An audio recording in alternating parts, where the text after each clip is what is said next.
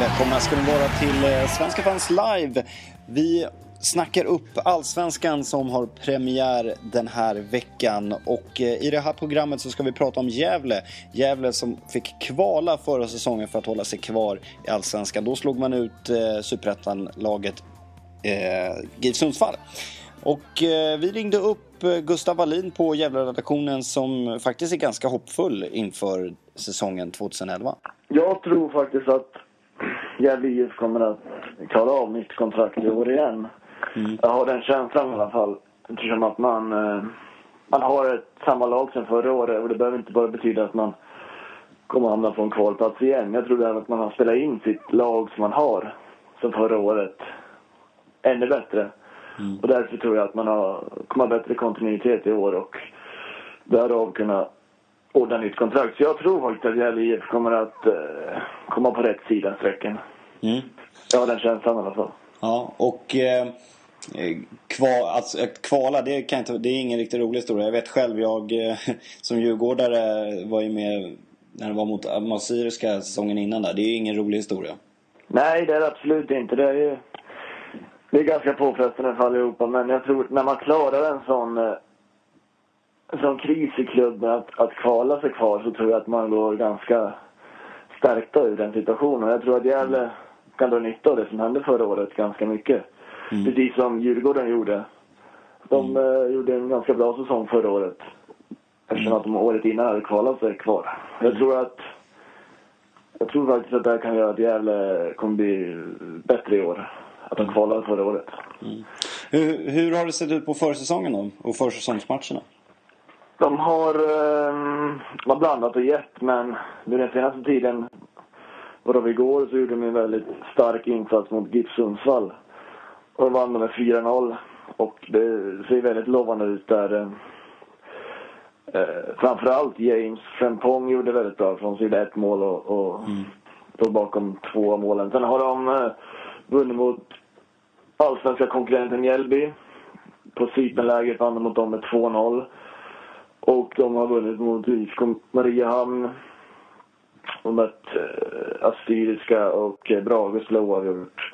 Och Brommapojkarna oavgjort. Eh, men de har, de har blandat och gett. Men eh, det har ändå gått från klarhet till klarhet känns det som. Och det känns som att de har startelvan klar nu senast när de mötte Sundsvall. Och det, det blev ett väldigt bra besked. 4-0 mot Sundsvall. Även om de är ett superettan-lag tycker jag är ett, väldigt eh, starkt besked från Gävle. Mm. Eh, du pratade lite om det som talar för att det ska gå bra, att de eh, får behålla hela laget och sådär. Finns det någonting du är lite orolig för i, i laget? Svårt att säga så här nu direkt, men eh, de hade väldigt väldiga problem förra året med försvarsdelen. Och släppte in eh, tredje mest mål efter eh, Åtvidaberg och Brommapojkarna. Det skulle ju vara så att kanske att de inte riktigt har fått ihop sin försvarslinje. De har ju fått in Per Asp från Brommapojkarna. Och eh, det ser ut som att han kommer starta på vänsterplatsen då. Bredvid Theorin och Olof Mård. Och så är det Bernhardsson på högersidan. Och eh, jag tror därmed att de kan få ordning på sitt försvarsspel ganska bra i år eftersom att Olof Mård är en spelare som var en spelare som klev fram väldigt mycket i slutet på förra säsongen. Sen vet man kanske inte riktigt hur Per Asp kommer tackla vänster, vänsterbacksplatsen men jag tror det kan bli väldigt bra. Det skulle vara den delen som kanske kan vara lite svag men det återstår att se. Jag tror i alla fall att får de ordning på den så kan det bli väldigt bra. Sen har de ju sin mittfältsmotor Josef Chibsa som nu har fått en spelare i Zakaria Ab- Abdullahi. Också han från Ghana.